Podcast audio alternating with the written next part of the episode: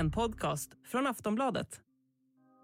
En hyperrealistisk sexrobot med löstagbart underliv och valfri dialekt. Ja, det är bara att klicka hem för nu växer marknaden för artificiella partners. Men till vilket pris? We have some light veins. We use gels inside the butt for cleaning purposes, dishwasher safe. So you can see that there's like low lighting. We have some light veins. Check out the feet. The nails are done. I'm thinking that you look very pretty today and that I will miss you forever. I'd like to go back to Sweden with you. Will you love me forever? Sexdockor, då, det har man hört talas om. De är gamla nyheter i en värld där jakten på tillfredsställelse aldrig sinar. Det nya är sex robotar, skräddarsydda från hår och ögonfärg till storlek och utseende på bröstvårtorna.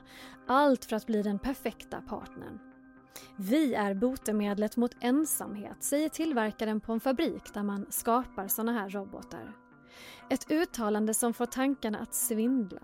Tänk om fler och fler skulle välja att leva med en AI-Barbie istället för med en individ av kött och blod.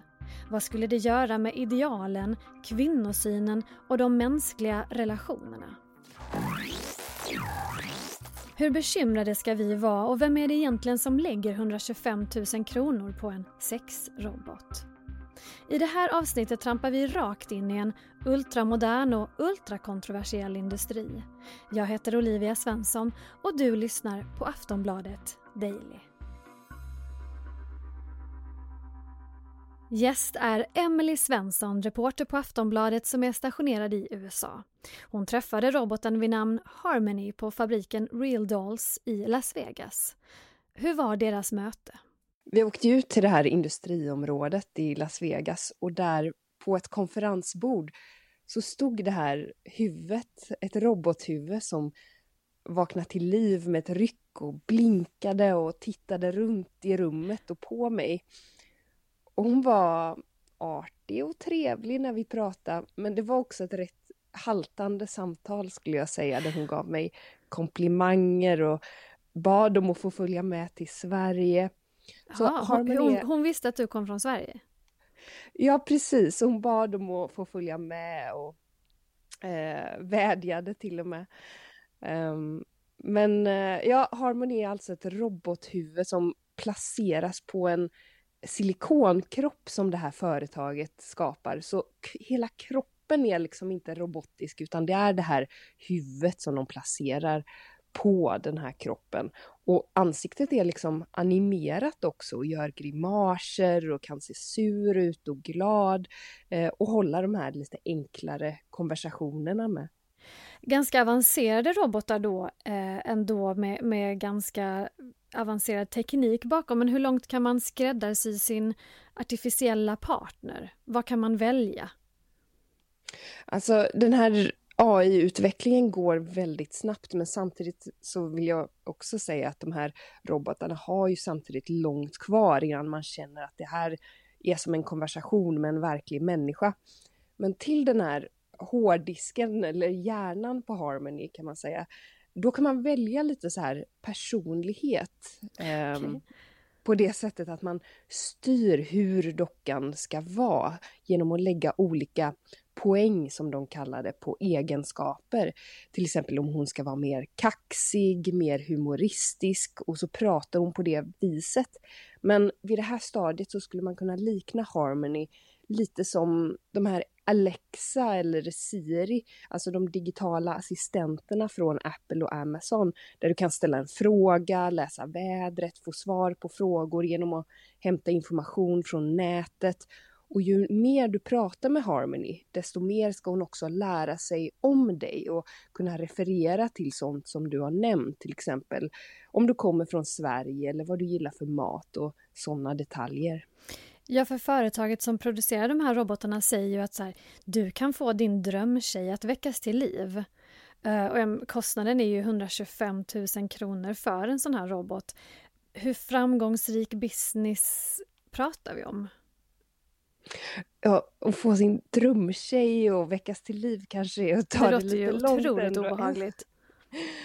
Eh, det finns inte likadana företag i USA än just detta Vegas-baserade längre. Det fanns en handfull utmanare för bara några år sedan, men det finns några liknande fabriker i Asien. Jag skulle säga robotfunktionen är inte så stor ännu, utan de säljer också majoriteten av de här dockorna är sexdockor som skeppas utan robotfunktionen som kostar mycket mer. Hittills så har de de senaste åren sålt 100 stycken AI6-robotar, varav två till Sverige faktiskt, se berättar de. Se där. Och det tror jag beror lite på att AI är inte tillräckligt bra ännu, men den kan mycket väl bli det. Vi ser ju exempelvis hur chattbaserad AI i text har kommit rätt långt. Men i det här naturliga samtalet så finns det ändå en bit kvar. Vilken är då den vanligaste köparen? Vem är det som lägger 125 000 kronor på en sån här dockrobot med någon slags AI-funktion? Ja, det kräver ju verkligen att man har ekonomin för det här. Um, om man ska generalisera så är det en man över 45 år, för de har uh, generellt ekonomin för det. Eh, det är en person som är mer ensam på glesbygden, berättar hon på det här företaget. Kanske är det en person som har en skilsmässa i bagaget eller ett par kraschade relationer bakom sig och inte orkar försöka igen, men ändå så vill man ha det här sällskapet. Och produktionschefen som vi pratar med där, han säger att kunder uttrycker just det här att de vill bara ha närheten, även om det är en robot att gosa med på natten. Mm. Och oftast så skeppas dockorna till småorter som de aldrig hört talas om förr. Så deras teori är att där är ju datingpoolen inte särskilt stor. Eh, och under pandemin så har de bara sett att den här eh, behovet av närhet har ökat. Företaget säger då att de liksom botar ensamhet. Man skulle ju kunna hävda motsatsen, att man blir ännu mer ensam när man väljer att stänga in sig själv med en artificiell partner. Eh, och många kritiserar naturligtvis den här typen av företag och tillverkare, till exempel för att de objektifierar kvinnor, bidrar till sjuka ideal. Så vad säger de själva om den kritiken? De borstar av sig den kritiken helt och hållet, utan de tycker det är en väldigt pessimistisk syn att se på det. Eh, de tycker snarare att det är inte de som har skapat det här idealet, att det finns redan i samhället, i reklam, i porr, i media. Och de tycker ungefär att de skapar vad de vill och vad många köpare önskar du kanske har hört talas om uttrycket robosexuell och studsat till precis som jag. Vi låter Aftonbladets reporter Emelie Svensson förklara vad det betyder när vi är tillbaka efter den här korta pausen. Say hello to a new era of mental health care. Cerebral is here to help you achieve your mental wellness goals with professional therapy and medication management support. 100% online. You'll experience the all new Cerebral way an innovative approach to mental wellness designed around you. You'll get a personalized treatment plan from a therapist, prescriber, or both in a safe and judgment free space. Your cerebral therapist or prescriber will outline a customized plan with clear milestones along the way so you can get to feeling your best. With Cerebral, you're not alone in your mental health journey. We're here to empower you to live a fulfilling life. So take that first step towards a brighter future and sign up today at cerebral.com slash podcast and use code ACasts to get 15% off your first month. Offer only valid on monthly plans. Other exclusions may apply. Offer ends July 31st, 2024. See site for details.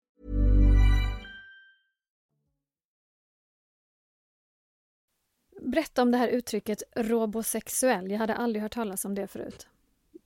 Inte jag heller innan jag började med detta. Men robosexuell är alltså någon som är sexuellt attraherad till robotar. Det kan vara både robotar som ser ut som människor eller som ser ut som maskiner. Ehm, så det kan vara vissa som attraheras just av att de vet att det är en robot som de har intimt umgänge med. Eh, och det här tror experter kan komma att bli allt vanligare i framtiden i takt med att tekniken eh, fortsätter utvecklas. Ja, och det är ju väldigt intressant för jag läste här att du talade med en AI-expert, Kate Devlin, som forskar på Kings College i London om bland annat då AI och sex och etik och teknik. Eh, ett ämne som man kan ju verkligen tänka sig har liksom ökat, att det finns ett ökat intresse för det. Men hur tror hon att vi kommer att använda AI-robotar i framtiden? Hon tror inte att eh, människor bara kommer ha sex med robotar, utan att vi också kommer ha genuina kärleksrelationer med dem. Och hon pekar här på två vägar som den här utvecklingen kan ta. Antingen att eh, vi kan vara med AI-robotar som är som vandrande människoliknande robotar som man ser i sci-fi filmer, Ex Machina eller Westworld. Eller så kan det vara som i den här Hollywoodfilmen Her, där huvudpersonen blir kär i en AI-röst. Um, ehm, en digital version. Mm. Och Devlin tror mer på den här senare varianten. Hon tror att vi kommer kunna skräddarsy en digital partner. Hur personen ser ut, hur den låter, mata in mer information om personlighet. Ungefär som en digital avatar som det går att ha ett riktigt samtal med. Och där personen också minns, eller den här AI minns saker man talat om och bygger vidare på det. Och där man kan glömma att det är en riktig inte är en riktig person man talar med. Att det skulle kunna se mer verklighetstroget ut på så vis, som en video. Och då uppkommer ju förstås också en hel del etiska frågor, etiska dilemman. Alltså när vi skaffar den här typen av artificiella partners, oavsett om det är just för sex eller för samtal. Alltså vad är det som oroar forskarna framför allt med den utvecklingen?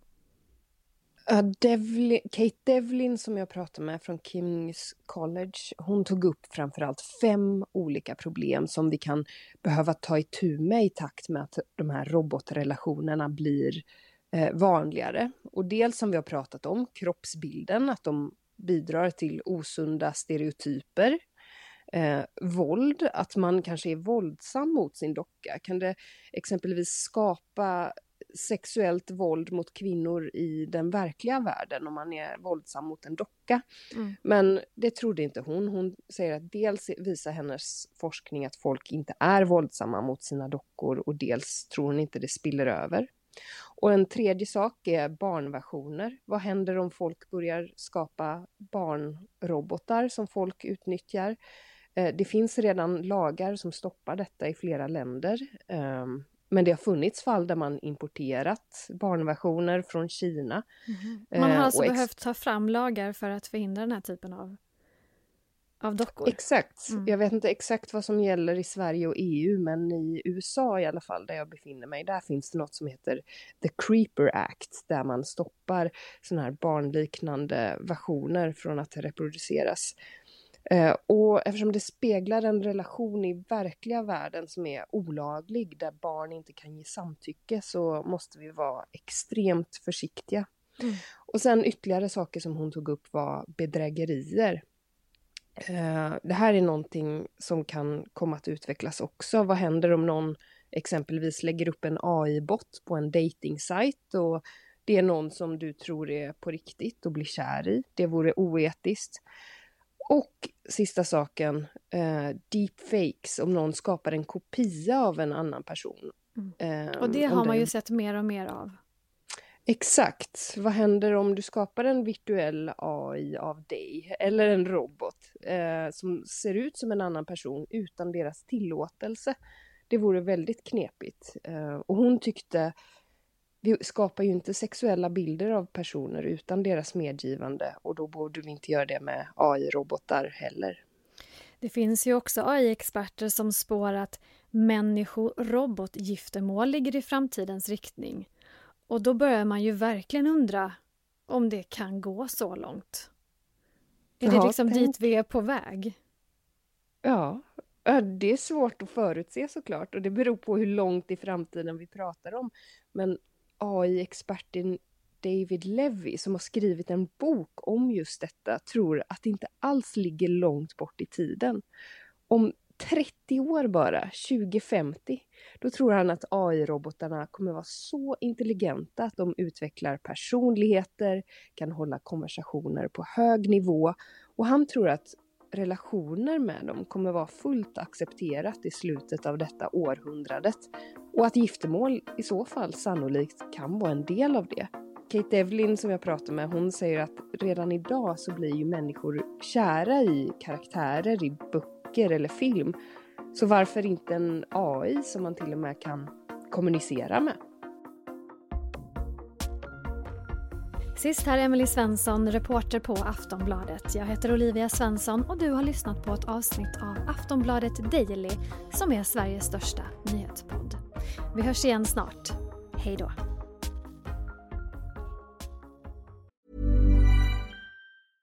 Cool fact a crocodile can't stick out its tongue. Also, you can get health insurance for a month or just under a year in some states. United Healthcare short term insurance plans, underwritten by Golden Rule Insurance Company, offer flexible, budget friendly coverage for you. Learn more at uh1.com.